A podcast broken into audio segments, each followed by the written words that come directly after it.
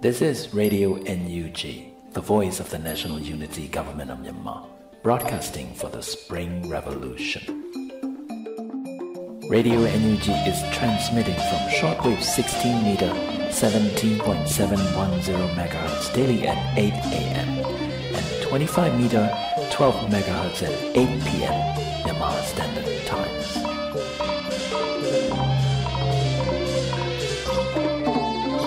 င်္ဂလာပါခင်ဗျာအမျိုးသားညီညွတ်ရေးအစိုးရရဲ့အသံလွှင့်ဌာန Radio NUG ကိုမနေ့၈နိုင်မှာ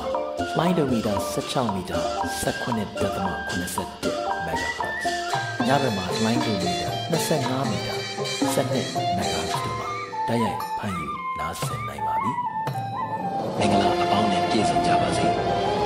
ခုချိန်ကစပြီး Radio NUG အစီအစဉ်လေးကိုဓာတ်ရိုက်အသံလွှင့်ပေးနေပါပြီမြန်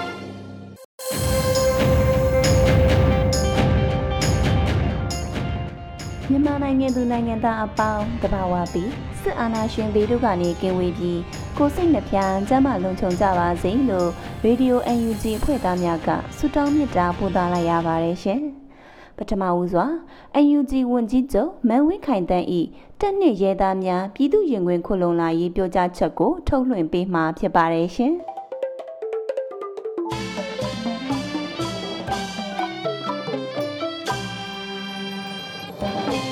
မြန်မာနိုင်ငံတော်မှာရှိကြတဲ့ပြည်သူတရက်လုံးနဲ့တိုင်းရင်းသားညီနောင်တွေအားလုံးတို့ရဲ့စစ်အာဏာရှင်စနစ်ခုခံတွန်းလှန်စစ်ဟာစတင်နေပြီဖြစ်ပါတယ်။ငြင်းညမ်းလုံခြုံတဲ့ဘဝမှာနေတိုင်းရင်တိုးတက်ဖွံ့ဖြိုးသောအနာဂတ်တစ်ခုစီဟန်ချက်ညီညီရှောက်လန်းနေကြတဲ့ပြည်သူလူထုတရက်လုံးရဲ့လူနေမှုဘဝတွေဟာစစ်အာဏာရှင်လက်ဆုပ်စာရဲ့အာဏာငန်းဖမ်းမှုကြောင့်ဖေဖော်ဝါရီလ၁ရက်နေ့ကစလို့ ပျက်စီးခြင်းအဖြစ်သို့ရောက်ခဲ့ရပြီးတိုင်းပြည်ဟာလည်းခက်နောက်ပြန်ဆွဲကကမ္ဘာအလယ်မှာရှက်ပွယ်လေးဖြစ်ခဲ့ရပါတယ်။အကြမ်းဖက်စေအုပ်စုရဲ့ဆက်ဆုပ်ွယ်လုံးရတွေကြောင့်ဖက်စစ်စစ်တပ်အမြင့်ဖြတ်ဆိုတဲ့ကျွေးကြော်တာဟာကျွေးကြော်နေုံတက်တက်မဟုတ်တော့ပဲပြည်သူတရက်လုံးရဲ့စိတ်ဖိန်ဖြက်ချက်ဖြစ်နေခဲ့ပြီဆိုတာသိကြပါတယ်။ဒီဘွဲဟာပြည်သူတွေနိုင်ပြီး အာဏာရှင်စနစ်ကိုအာဏာယူရတဲ့သူအဆုံးသတ်တဲ့မဲ့နောက်ဆုံးတိုက်ပွဲဖြစ်တာကြောင့်တမန်တော်သားတွေရဲတပ်ဖွဲ့ဝင်တွေနဲ့အာဏာယူလို့ကြမိုက်ပြရမ်းပြမနေပဲပြည်သူ့ဘက်ရက်ပြီးအာဏာယူတဲ့ဘက်ကိုတနတ်ပြောင်းလဲကြဖို့အချိန်တန်ပါပြီအမျိုးသားညီညွတ်ရေးအစိုးရအနေနဲ့လည်းတိုင်းရင်းသားညီနောင်တွေနဲ့ပူးပေါင်းပြီးကောင်းမွန်တဲ့အစီအမံတွေကို စီစဉ်ဆောင်ရွက်နေဖြစ်တယ်လို့ပြောချင်ပါတယ်ပြည်သူ့ဘက်ကကားတွေကိုပြည်သူရင်ဝင်ကနှွေးထွေးစွာ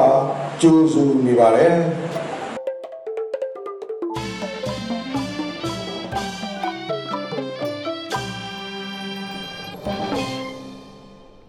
ရေဒီယို UNG မှဆက်လက်အသံလွှင့်နေပါတယ်ရှင်။အခုဆက်လက်ပြီး ကာကွယ်ရေးဝန်ကြီးဌာန၏စည်ရေးသတင်းအကျဉ်းချုပ်ကို တင်ဆက်ပေးမှာဖြစ်ပါတယ်ရှင်။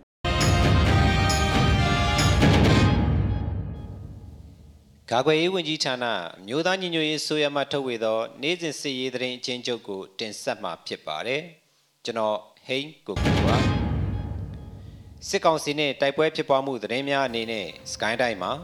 အောက်တိုဘာ9ရက်နေ့မနက်ကအင်အား200ဝန်းကျင်ခန့်ပါသောစက္ကစကား10စီးကိုတ ကောင်းလမ်းခွဲတွင်ထီချိုင်း PDF နှင့်တကောင်း PDF တို့ပူးပေါင်းပြီးမိုင်းဆွဲတိုက်ခိုက်နိုင်ခဲ့ကြောင်းသိရပါတယ်။မိုင်းဆွဲတိုက်ခိုက်ခံရမှုကြောင့်စက္ကစတပ်သားအများအပြားကြာဆုံးခဲ့ကြောင်းလည်းသိရပါတယ်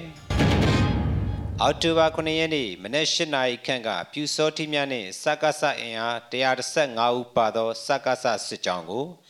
ချင်းတွင်မြေရှိဘက်ကံလောင်းပြေးမှတဆင့် တန်ပေါက်သို့သွားရလမ်းတွင်ဒေသခံပြည်သူ့ကာကွယ်ရေးတပ်မှမိုင်းဆွဲတိုက်ခိုက်ခဲ့ပြီးအပြန်အလှန်ပစ်ခတ်မှုများဖြစ်ပွားခဲ့ကြောင်းသိရပါတယ်။တိုက်ပွဲအတွင်းဇာကာဆာနှင့်ပြူစောတိများရေရင်ဖြစ်အနောက်ဘက်ကမ်းသို့ဆုတ်ခွာခဲ့ရပြီးဇာကာဆာဘက်မှ14ဦးခန့်သေဆုံးကြောင်းသိရပါတယ်။အောက်တိုဘာ9ရက်နေ့ကမုံရနာမခနဲ့ဗုဒ္ဓလင်ကြားတွင် ဒေသခံပြည်သူ့ကာကွယ်ရေးတပ်များမှစကစကားများကို၃ချိန်တိတိမိုင်းဆွဲတိုက်ခိုက်နိုင်ခဲ့ကြောင်းသိရပါတယ်။မိုင်းဆွဲတိုက်ခိုက်ခံရမှုကြောင့်စက္ကစတပ်သားများအထိအခိုက်အဆုံးရှုံးများနိုင်ကြောင်းလည်းသိရပါတယ်။ရန်ကုန်တိုင်းမှာအောက်တိုဘာ6ရက်နေ့ည8:00နာရီခွဲခန့်ကကော်မှုမြို့နယ်မှစက္ကစကားကို Unlimited Democratic Force UDF နှင့်မဟာမိတ်အဖွဲ့ဖြစ်သည့် Digital Revolt Front DRF ပူးပေါင်းအဖွဲ့မှမိုင်းဆွဲတိုက်ခိုက်နိုင်ခဲ့ပြီးအပြန်အလှန်ပစ်ခတ်ရာစက္ကစတဘဘက်မှတဦးသေးဆုံးက6ဦးဒဏ်ရာရရှိခဲ့ပြီးပြူစောတိ3ဦးလည်းဒဏ်ရာရခဲ့ကြောင်းသိရပါတယ်။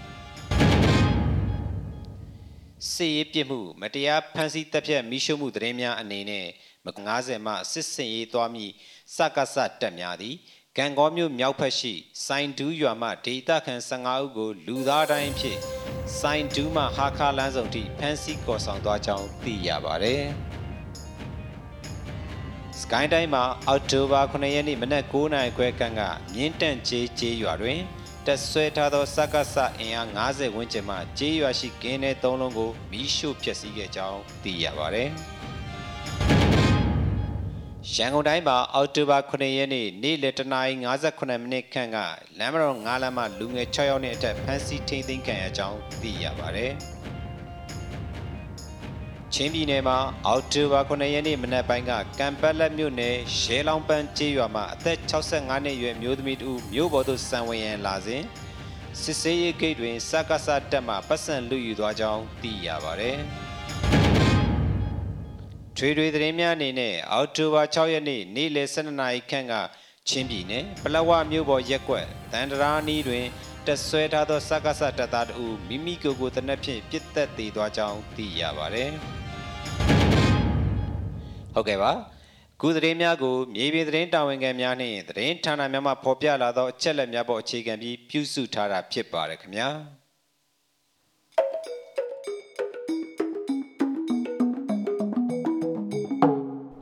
ရေဒီယို UNG မှဆက်လက်အသံလွှင့်နေပါတယ်ရှင်။အခုဆက်လက်ပြီးရေဒီယို UNG ရဲ့နေ့စဉ်သတင်းများကိုမထက်ထက်အိန္ဒြာအောင်မှ တင်ဆက်ပေးမှာဖြစ်ပါတယ်ရှင်။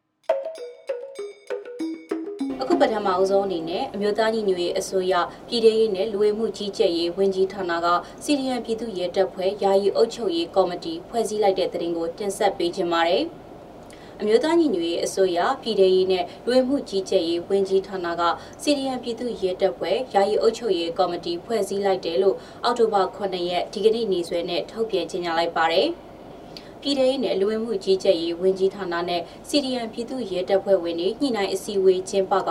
စီရီယံပြည်သူ့ရဲတပ်ဖွဲ့ယာယီအုပ်ချုပ်ရေးကော်မတီကိုဖွဲ့စည်းလိုက်တာပါ။ ပြည်သူတော်လှန်ရေးမှာပူးပေါင်းပါဝင်လာကြတဲ့စီရီယန်ရဲတပ်ဖွဲ့ဝင်တွေနဲ့မိသားစုဝင်တွေကိုပြန်လည်စုစည်းပြီးတော့ဘေးကင်းလုံခြုံမှုရှိစေရေးစီမံဆောင်ရွက်ပေးနိုင်ဖို့စီရီယန်ရဲတပ်ဖွဲ့ဝင်တွေနဲ့မိသားစုတွေကြားဖြစ်ပေါ်လာမဲ့အခက်အခဲတွေကိုကုညီဖြေရှင်းပေးနိုင်ဖို့စီရီယန်မပြုတ်လို့ရသေးတဲ့ရဲတပ်ဖွဲ့ဝင်တွေကို CDN နဲ့ Pre-CDN တွေပြုတ်လို့လာစေပြီးတော့အနာဂတ် Federal ပြည်သူ့ရဲတပ်ဖွဲ့ဖွဲ့စည်းနိုင်ရေးအတွက်အထောက်ပံ့ဖြစ်စေဖို့ရည်ရွယ်တယ်လို့သိရပါတယ်။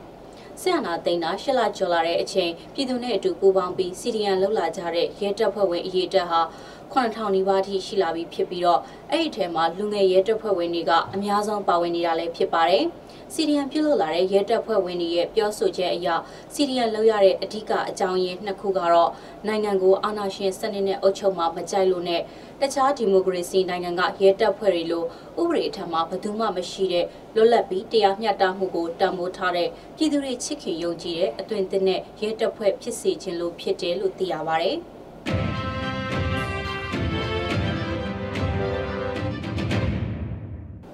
ဆက်လက်ပြီးမြန်မာအရေးကိုပုံမသိရှိလာစေရေး Grassroots Movement for Burma Campaign ကိုပါဝင်ကြဖို့ဒေါက်တာဆဆာတောင်းဆိုလိုက်တဲ့သတင်းကိုတင်ဆက်ပေးခြင်းပါတယ်။ American အောက်လွှတ်တော်မှာတင်သွင်းထားတဲ့ Burma Act နဲ့ပတ်သက်လို့ Grassroots Movement for Burma Campaign ကိုထောက်ခံအားပေးဖို့နိုင်ငံတကာမြန်မာအတိုင်းအဝန်းနဲ့မဟာမိတ်တွေကိုအမျိုးသားညီညွတ်ရေးအစိုးရ NUG အပြည်ပြည်ဆိုင်ရာပူးပေါင်းဆောင်ရွက်ရေးဝန်ကြီးဌာနပြည်ထောင်စုဝန်ကြီးဒေါက်တာဆဆာကတောင်းဆိုထားပါတယ်။ မြန်မာနိုင်ငံကဆီယနာရှင်တွေကိုတန်ခတ်အရေးယူမှုတိုးမြင့်လှုံ့ဆော်ဖို့နဲ့မြန်မာပြည်သူတွေကိုထောက်ခံကူညီဖို့အမေရိကန်အောက်လွှတ်တော်မှနိုင်ငံခြားရေးရာကော်မတီကဥပဒေကြမ်းတရက်တင်သွင်းထားပြီးတော့အမေရိကန်ရောက်မြန်မာတွေအပါအဝင်နိုင်ငံတကာမြန်မာအတိုင်းအဝန်မဟာမိတ်တွေက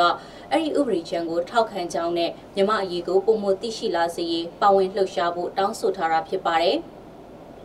အဲ့ဒီကမ်ပိန်းဟာအမေရိကန်ရောက်မြန်မာတွေအနေနဲ့အမည်လိပ်စာအီးမေးလ်ဖုန်းနံပါတ်စတဲ့အချက်လက်တွေဖြည့်သွင်းရမှာဖြစ်ပြီးတော့အဲ့လိုလှုပ်ဆောင်ခြင်းဟာသက်ဆိုင်ရာလွှတ်တော်အမတ်တွေနဲ့ကိုယ်စားလှယ်တွေကိုမြန်မာအရေးပုံမအာရုံစိုက်လာစေဖို့ကူညီနိုင်မှာဖြစ်ပါတယ်။ အမေရိကန်ပြည်ထောင်စုမှာမှီတင်းနေထိုင်ကြတဲ့မိတ်ဆွေတွေအထူးသဖြင့်မြန်မာအမေရိကန်နိုင်ငံသားတွေအနေနဲ့သက်ဆိုင်ရာလွှတ်တော်အမတ်တွေကိုလွတ်လပ်ရေးနဲ့ဒီမိုကရေစီအတွက်ရုန်းကန်နေကြတဲ့မြန်မာပြည်သူလူထုကိုထောက်ခံရေးစော်ဩပေးဖို့အာနာရှင်ကြောင့်ဆင်းရဲဒုက္ခရောက်နေတဲ့မြန်မာပြည်သူတွေကိုကူညီဖို့အတနာခံပေးကြပါလို့အပြည်ပြည်ဆိုင်ရာပူးပေါင်းဆောင်ရွက်ရေးဝန်ကြီးဒေါက်တာဆဆာကတိုက်တွန်းထားပါတယ်။ အမေရိကန်အောက်လွှတ်တော်မှတင်သွင်းထားတဲ့ Burma Act ဥပဒေကြမ်းမှာဖေဖော်ဝါရီတရက်အာဏာသိမ်းဖြစ်စဉ်နဲ့နောက်ပိုင်းကာလမြန်မာစစ်တပ်ရဲ့လှုပ်ဆောင်မှုအလုံးကိုပြစ်တင်ရှုံချထားပါတယ်။နောက်ပြီးအမေရိကန်အစိုးရအနေနဲ့မြန်မာစစ်တပ်စစ်ကောင်စီသူတို့ရဲ့စီးပွားရေးလုပ်ငန်းတွေကိုပြစ်မှတ်ထားအရေးယူတန်ခတ်ဖို့ကုလသမဂ္ဂနဲ့ပူးပေါင်းပြီးမြန်မာအရေးကိုအရေးယူဆောင်ရွက်ဖို့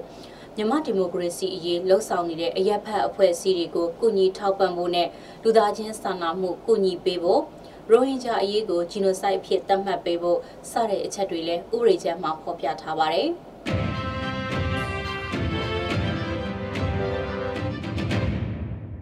ဆက်လက်ပြီးတော့ကရင်နီကရားပြည်နယ်လွိုင်ကော်မြို့မှာအကြမ်းဖက်စစ်တပ်ကလက်နက်ကြီးတွေနဲ့ပစ်ခတ်မှုကြောင့်ကလင်းငယ်အပါအဝင်အရက်သားပြည်သူတွေတေဆုံးမှုနဲ့ထိခိုက်ဒဏ်ရာရရှိမှုတွေရှိနေတဲ့တဲ့ရင်ကိုတင်ဆက်ပေးပါမယ်။ကရင်နီကရားပြည်နယ်လွိုင်ကော်မြို့မှာအာနာသိန်းစစ်ကောင်စီတပ်ကလက်နက်ကြီးတွေရန်တမ်းပစ်ခတ်ခဲ့လို့မြို့ပေါ်ရက်ကွက်နေပြည်သူတွေတေဆုံးဒဏ်ရာရမှုတွေရှိခဲ့တာပါ။ အောက်တိုဘာ6ရက်ညပိုင်းကစစ်ကောင်စီတပ်ရဲ့ပြစ်ခတ်မှုကြောင့်အမျိုးသားတအုပ်သေဆုံးပြီးကလေးငယ်2ဦးအပါအဝင်ထိခိုက်ဒဏ်ရာရရှိသူ10ဦးရှိတယ်လို့တိုးတက်တဲ့ KNY ပြည်သူအင်အားစု PKPF ကထုတ်ပြန်ပါတယ်။ဒဏ်ရာလူနာတွေထဲမှာအသက်အန္တရာယ်ဆိုရင်ရသူမပါဝင်ဘူးလို့လည်းဒေသခံတပ်ဦးကပြောပါတယ်။လက်နက်ကြီးကြီးထိမှန်လို့နံပါတ်1ရက်ကွက်ကအမျိုးသားတအုပ်ကတော့အသက်ဆုံးရှုံးခဲ့တယ်လို့သူကအတည်ပြုပါတယ်။ စစ်ကောင်စီတပ်ရဲ့ပြစ်ခတ်မှုကြောင့်နံပါတ်1ရေနီကန်ဧက900စတဲ့ရက်ွက်တွေကအယက်သားပြည်သူတွေထိခိုက်ဒေဆုံးတာနဲ့အိုးအိမ်တွေပျက်စီးတာဖြစ်ခဲ့တယ်လို့ဆိုပါတယ်ဒီလိုတန်ရပြည်သူတွေကိုမြို့ပေါ်ကူညီရေးအဖွဲ့တာဝန်ရှိသူတွေကစေယုံကိုပို့ဆောင်ခဲ့တဲ့လူနာစရင်တွေအရအသက်၈နှစ်အရွယ်နဲ့အသက်9နှစ်အရွယ်ကလေးငယ်2ဦးလည်းလက်နက်ကြီးကြီးထိမှန်ဒဏ်ရာရခဲ့ပါတယ်စစ်ကောင်စီတပ်ရဲ့လက်နက်ကြီးရန်တမ်းပစ်ခတ်မှုကြောင့်ရင်းနီကန်ရက်ွက်ကအမျိုးသားတအုပ်နဲ့အမျိုးသမီးတအုပ် ဧက900ရက်ကွက်ကအမျိုးသားတအုပ်နဲ့အမျိုးသမီးတအုပ်နံပါတ်1ရက်ကွက်ကအမျိုးသားတအုပ်အမျိုးသမီးတအုပ်အသက်9နှစ်အရွယ်ကလေးငယ်နဲ့10နှစ်အရွယ်ကလေးငယ်တို့လက်နက်ကြီးကြီးစားထိမှန်ဒဏ်ရာခဲ့တာလို့ဖော်ပြထားပါတယ်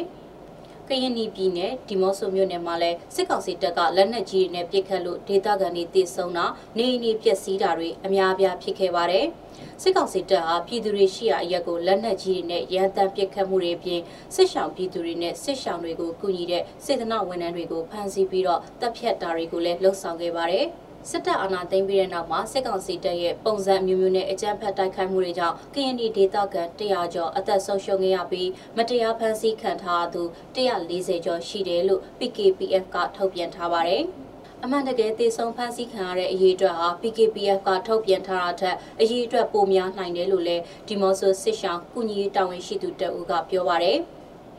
ကရင်နီဒေသမှာဒေသခံကာကွယ်ရေးတပ်တွေနဲ့စစ်ကောင်စီတပ်တို့ဟာမေလကစပြီးတော့တိုက်ပွဲတွေဇက်တိုက်ပြင်းထန်လာခဲ့တာဖြစ်ပါတယ်။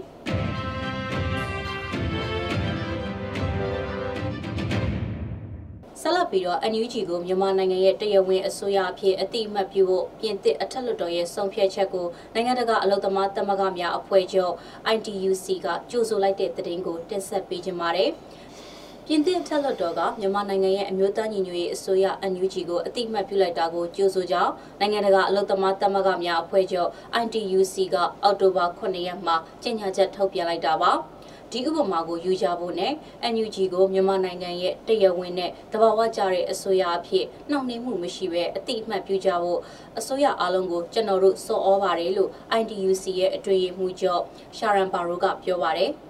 မြန်မာအကြမ်းဖက်စစ်ကောင်စီကိုကုလသမဂ္ဂအထွေထွေညီလာခံနိုင်ငံတကာအလုပ်သမားအဖွဲ့ကြီး ILO ရဲ့နိုင်ငံတကာအလုပ်သမားညီလာခံကုလသမဂ္ဂစားနပ်ရိက္ခာနဲ့စိုက်ပျိုးရေးအဖွဲ့ကြီး FAO နဲ့ကမ္ဘာ့ကျန်းမာရေးအဖွဲ့ကြီး WHO တို့မှပယ်ချခဲ့ပြီးပါပြီ။ သူတို့အားလုံးကစစ်ကောင်စီရဲ့အထောက်အထားတွေကိုလက်ခံဖို့ညှင်းခဲ့ကြတယ်လို့သူကဆက်ပြောပါတယ်။အခုချိန်ဟာစစ်ကောင်စီအတွက်နိုင်ငံအာဏာကိုတရားဝင်ရွေးကောက်ခံခေါင်းဆောင်တွေစီပြန်အပ်ဖို့နဲ့မြန်မာနိုင်ငံမှာဒီမိုကရေစီပြန်လည်ဖော်ဆောင်ဖို့အချိန်ပဲလို့ပဲသူကပြောပါတယ်။နမြန်မာနိုင်ငံအတွင်းဆန္ဒပြပွဲတွေကြောင့်အလောက်ကိုင်းဆုံးရှုံးခဲ့ရတဲ့အလုပ်သမားတွေကိုထောက်ပံ့ဖို့ ITUC ကသွေးစည်းရန်ပုံငွေတရက်တည်ထောင်ခဲ့ပါတယ်။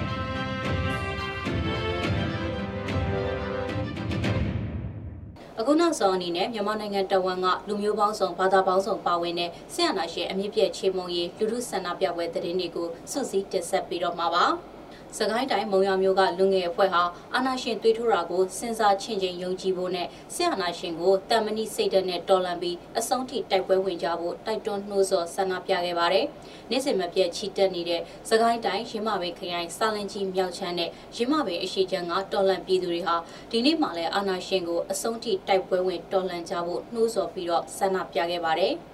NUG စာတမ်းပါတဲ့ဆိုင်းဘုတ်ကိုကင်ဆောင်ပြီးတော့လဲနေ့စဉ်မပြတ်ဆန္ဒပြနေတဲ့စကိုင်းတိုင်းရွှေဘုံမြို့ကြေးရွာတရွာကပြည်သူတွေကဒီနေ့မှလည်းတိုင်းရင်းသားတပ်ဖွဲ့တွေနဲ့ PDF အဖွဲ့တွေတိတ်တိုင်းနိုင်ပါစေဆိုပြီးတော့ကြွေးကြော်ဆန္ဒပြပါတယ်အာနာသိန်းစစ်ကောင်စီကိုစန့်ကျင်ကန့်ကွက်တဲ့ရပ်ပေါင်း240မြောက်နေဖြစ်ကလေးမျိုးသူမျိုးသားတွေကတော်လှန်ရေးရဲ့အသက်ဖြစ်တဲ့ CDM နဲ့ PDF ကိုပံ့ပိုးအတူချီတက်ဆိုတဲ့စာတမ်းကိုင်ဆောင်ပြီးတော့ဆန္ဒပြခဲ့ပါတယ်။ အဆုံးထိတိုင်မဲ့ငါတို့မြိုင်ဆိုတဲ့မြိုင်မြို့အခြေခံပညာအထွေထွေတပိတ်ကော်မတီနဲ့အနောက်ပိုင်းဆောင်ကမြိုင်သူမြိုင်သားတွေစုဝေးကြပြီးတော့ဆရာနာရှင်အမြင့်ပြည့်ချေမုံတော်လှန်ဖို့ချီတက်ဆန္ဒပြခဲ့ပါတယ်မန္တလေးမြို့မဟာအောင်ရီမြို့နယ်စုပေါင်းတပိန်နဲ့အထက်က24ကျောင်းသားတမကလူငယ်တွေဟာတိုင်းပြည်ကိုပပောင်းဆောင်ကနေစုပ်ယုပ်ပြည့်ရင်သွားအောင်လုပ်နေတဲ့ဆရာနာရှင်ကိုအမြင့်ပြတ်တော်လှန်ချေမုံကြဖို့တိုက်တွန်းနှိုးဆော်ဆန္ဒပြပါတယ်။ အင်တာနက်ဖြတ်တောက်ခံထားရတဲ့ကချင်ပြည်နယ်ဖကတ်မှာတော့ပြည်သူအင်အားတထောင်ကျော်လောက်ဟာစစ်အာဏာရှင်စန့်ကျင်ရေးတပိတ်ရှစ်လပြည့်အထိမ်းအမှတ်အနေနဲ့ပြည်သူတွေကိုကာကွယ်ပေးတဲ့ KIA ကိုကျေးဇူးတင်ကြောင်းနဲ့ KIA နဲ့ PDF တို့တိုက်တိုင်းနိုင်ပါစေဆိုပြီးတော့ကြွေးကြော်ချီတက်ဆန္ဒပြခဲ့ပါတယ်။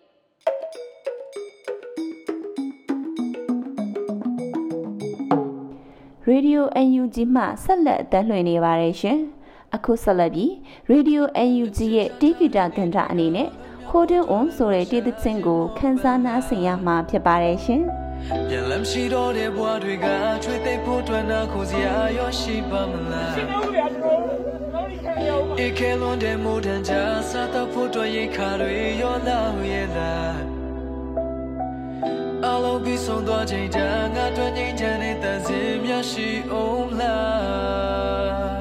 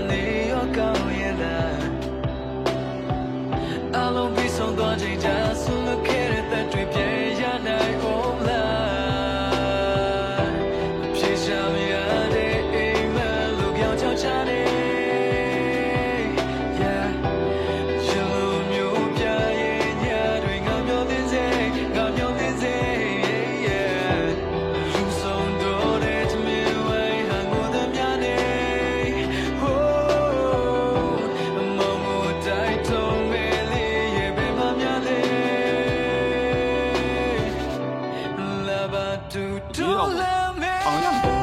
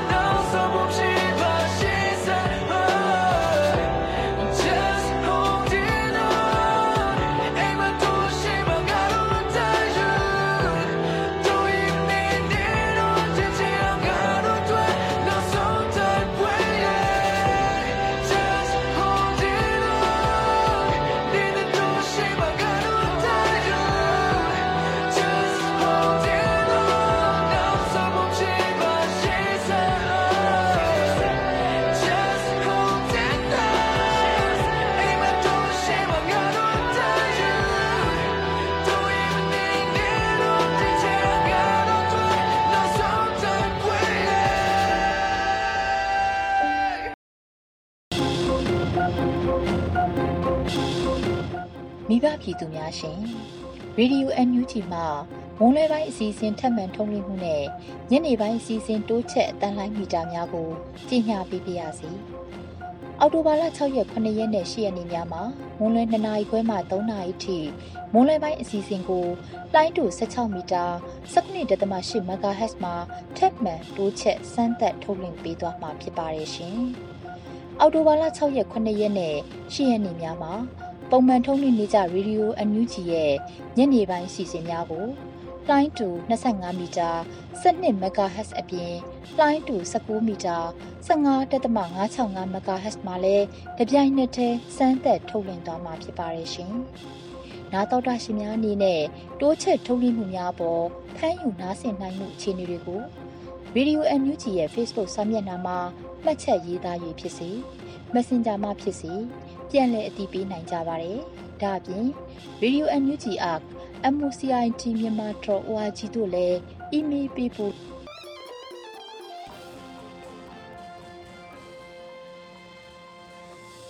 ရေဒီယို UNG မှဆက်လက်အသံလွှင့်နေပါတယ်ရှင်။အခုဆက်လက်ပြီးတော်လှန်ရေးနည်းပညာကဏ္ဍမှာ digital အချုပ်အခြာအကြောင်းကို တင်ဆက်ပေးမှာဖြစ်ပါတယ်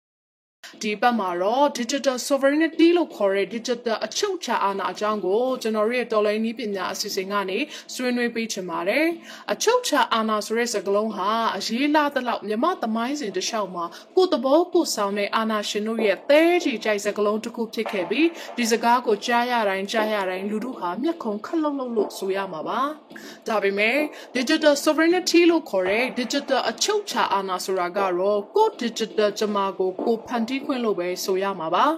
ဆရာနာမသိမ့်မှုမတိုင်ခင်ရှေ့ကာလတွေကိုပြန်ကြည့်လိုက်မယ်ဆိုရင် COVID-19 ကပ်ရောဂါကြီးရဲ့ရိုက်ခတ်မှုအရှိန်ကြောင့်ကဘာကြီးနဲ့အတူကျွန်တော်တို့နေထိုင်ရာပြည်ထောင်စုကြီးဟာလည်း digitalization ဘက်ကိုအရှိန်ဟုန်ပြင်းစွာစီစဉ်ခဲ့ရပါတယ်လုပ်ငန်းအများစုရဲ့နေ့စဉ် operation တွေဟာ digital စနစ်နဲ့ internet ရဲ့မြန်နှုန်းပေါ်ကိုမဖြစ်မနေခုန်ဆင်းခဲ့ကြရပါတယ်အရွေ့မြန်တဲ့ digital ယဉ်ကျေးမှုဖောင်ထဲကိုကာလတူအတွင်းအသားကျအောင်တွတ်သွင်းချင်းခံလိုက်ရတာပဲဖြစ်ပါတယ်ဒီလိုသွတ်သွင်းချင်းခံလိုက်ရတာနဲ့အပြိုင်နိုင်ငံငယ်လေးတွေဟာကြီးမားတဲ့ digital မိခိုးမှုပြဿနာကလည်းရင်ဆိုင်ကြုံတွေ့ရပြန်ပါတယ်ဒီနည်းအားဖြင့် digital ကြုံပြုမှုပြဿနာလို့ဆိုနိုင်ပါတယ်ခက်တဲ့ကိုလိုနီပုံစံမှာတနက်ထမ်းပြီးနယ်မြေသိမ်းတာတွေကိုသင်တွေ့ရတော့မှာမဟုတ်ပါဘူး။ဒါတွေကကျွန်တော်တို့ဖတ်ခဲ့တဲ့သမိုင်းဖတ်စာအုပ်ထဲကရှေ့ဟောင်းပုံစံတွေပဲဖြစ်ပါတယ်။ခက်တဲ့မှာတော့အင်အားကြီးနိုင်ငံတွေဟာနိုင်ငံငယ်လေးတွေအပေါ်ကို digital လွှမ်းမိုးမှုတစတစချဲ့ထွင်တဲ့နည်းနဲ့ colonization လုပ်တယ်လို့ပင်ဆိုနိုင်ပါတယ်။ လူတွေဟာအသက်ရှင်ရပ်တည်ဖို့လေတုလိုအပ်တယ်လို့ဤပညာဆိုင်ရာဉာဏ်နှုံးတွေကိုထိထိရောက်ရောက်အသုံးပြုနိုင်ဖို့ technosphere လို့တင်စားခေါ်ကြတဲ့ဤပညာနယ်ပယ်လေတုတနည်းအားဖြင့်ဤပညာဝန်းကျင်တစ်ခုကိုလိုအပ်ပါတယ်ဒီတော့ technosphere ကိုပြန်ပြီးဆင်ခြင်ကြည့်မယ်ဆိုရင်အနောက်ဘက်ရင် American ဥဆောင်တဲ့ technosphere နဲ့တရုတ်ကြီးလွှမ်းမိုးတဲ့ technosphere ဆိုပြီးနှစ်ချမ်းခွဲနေတာကိုသင်တွေ့ရမှာပါ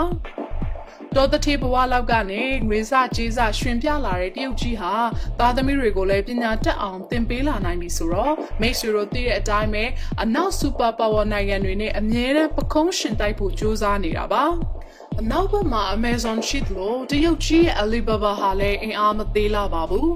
Facebook တို့ Twitter တို့ဟာ social media လောကမှာလွှမ်းမိုးမှုကြီးတယ်လို့ပဲတရုတ်ကြီးရဲ့ WeChat Weibo တို့ဟာလည်းသူ့အရက်နဲ့သူ့ဆက်မှာတော့ဖယ်ပြစ်လို့မရတော့အောင်ကိုလွှမ်းမိုးထားတာပါ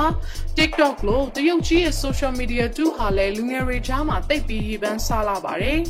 ဒီနေရာမှာနိုင်ငံငယ်လေးတွေဟာဘယ်သူ technology ကိုသုံးရမလဲဆိုတာရယ်သူတို့တွေမရှိတော့ရင်ရောဆိုရဲစဉ်းစားချက်ရယ်ကိုတွေးချင်စရာဖြစ်လာပါတယ်ဟုတ်ပါတယ်တင်ဖုန်းထဲမှာတရုတ်ကြီးနဲ့ American ကြီးရဲ့ application တွေကိုဆွဲထုတ်ပစ်လိုက်ရင်တင်းနေစဉ်လူမှုဘဝဟာအသုံးပြုစရာ application လောက်လောက်လာလာမရှိတော့အောင်ကိုပဲဖြစ်ပါတယ်ဒီထက်ပိုပြီးစဉ်းစားရတဲ့ပြဿနာကဒီ super power ရဲ့ surveillance လို့ခေါ်တဲ့စောင့်ကြည့်ချေရခံမှုပြဿနာပဲဖြစ်ပါတယ်။ဒီ super power ကြီးတွေကလည်းနိုင်ငံငယ်လေးတွေကို၎င်းတို့အလိုကျ digital စီးမြောက်မှုပုံစံထဲကိုရောက်လာအောင်ပုံစံမျိုးစုံနဲ့ချင်းကပ်သွတ်သွင်းတတ်ကြပါတယ်။ ဒီနေရာမှာ American ရဲ့ပုံစံကိုကြည့်ရင် Internet Freedom လို့ခေါ်တဲ့ Internet လွတ်လပ်ခွင့် agenda ကိုရှေ့တန်းတင်တာကိုသင်တွေ့ရမှာပါ။ဒါပေမဲ့ non-state actor တွေဖြစ်တဲ့ corporation တွေအစိုးရမဟုတ်တဲ့အဖွဲ့အစည်းတွေပညာရေးနယ်ပယ်ကအဖွဲ့အစည်းတွေစုပေါင်းပြီး internet ကိုအစိုးရထိန်းချုပ်မှုပုံစံမဟုတ်ပဲစုပေါင်းကင်တွယ်တဲ့ပုံစံကိုရှေ့တန်းတင်ပြီးဆွဲဆောင်နေရှိပါတယ်။ သို့တော့ Facebook, Google, Apple, Amazon တို့လို corporation တွေရဲ့ user data ကင်တွယ်မှုပုံစံကတန်တရားဖြစ်စရာကောင်းနေစေပဲဖြစ်ပါတယ်။ဒီလိုတန်တရားဖြစ်လောက်အောင်စီးနိတ်မှာ Mark Zuckerberg ကိုယ်တိုင် Cambridge Analytica ကိစ္စတွေဖြေရှင်းရတာတွေ Amazon ရဲ့ privacy ပြဿနာတွေကလည်းရှိနေပြန်ပါတယ်။ဒါအပြင် Snowden ရဲ့ data တွေကိုဖွင့်ချလိုက်မှုနောက်ပိုင်းမှာအစိုးရတွေရဲ့အချက်လက်ကင်တွယ်ပုံတွေကလည်းစဉ်းစားစရာဖြစ်လာပါတယ်။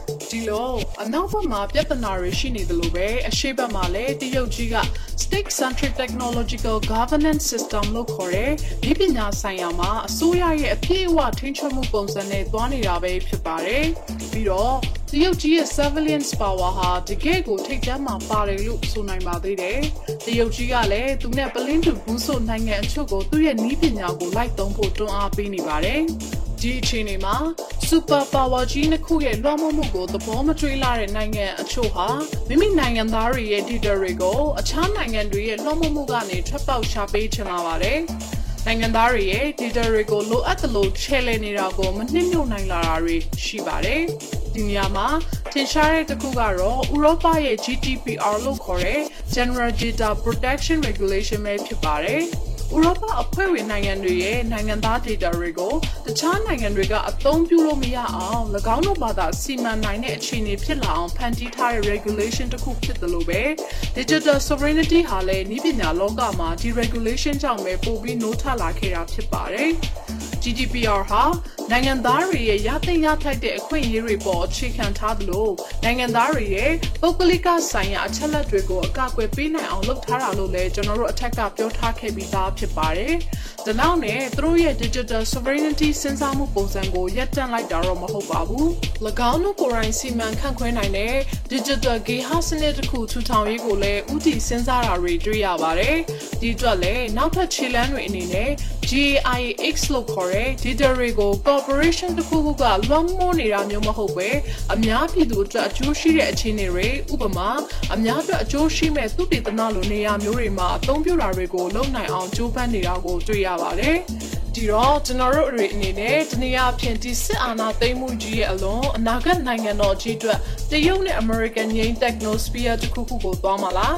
ဒါမှမဟုတ်ကိုလန်းကိုဖောက်ပြီး digital sovereignty တခုကိုဖန်တီးလားဆိုတာတွေကကြိုတွေးချင်စရာဖြစ်လာပါတယ်သူများဖောက်ပြီးသားလမ်းထဲကိုရှောက်မယ်ဆိုရင်တော့လေသူတို့ဖောက်တဲ့အတိုင်းရှောက်ရမှာလေးတွေရှိသလို digital ရဝန်းမှာတော့မိမိပြည်တော်စုရဲ့ digital စီမံမှုအချုပ်အခြာကိုမိမိဘာသာတီးခြားလွတ်လပ်စွာရည်တည်ခြင်းနဲ့ဆိုရင်တော့အခက်ခဲများစွာကိုရင်ဆိုင်ကြော်ဖြတ်ရမှာဖြစ်ကြောင်းပြောကြားရင်းနဲ့ပဲနောက်ပတ်များမှာလည်းတော်လိုင်းနည်းပညာအစီအစဉ်ကနေဘလို့အကြောင်းအရာတွေကိုဆက်လက်တင်ဆက်ပေးအောင်လဲဆိုတာကိုစောင့်မျှော်နာတော့တာဆင်ပေးကြပါအောင်ရှင် ဒီကနေ့တော့ဒီညနဲ့ပဲ Radio NUG အစီအစဉ်လေးကိုကိတ္တရန်နာလိုက်ပါမယ်မြန်မာစံတော်ချိန်မနေ့၈နာရီညနေ၈နာရီတို့မှာပြန်လည်တွေ့ဆုံကြပါစို့ Radio NUG ကိုမနေ့၈နာရီမှာလိုင်းဒိုမီတာ16မီတာ19.87 MHz ညဘက်မှာလိုင်းဒိုမီတာ25မီတာ12 MHz တို့မှာတိုက်ရိုက်ဖမ်းယူနားဆင်နိုင်ပါပြီမြန်မာနိုင်ငံသူနိုင်ငံသားများ ကိုစိတ်နှပြချမ်းမာချမ်းသာလို့ဘေးကင်းလုံခြုံကြပါစေလို့ Radio NUG အဖွဲ့သူအဖွဲ့သားများဆုတောင်းပေးလိုက်ပါတယ်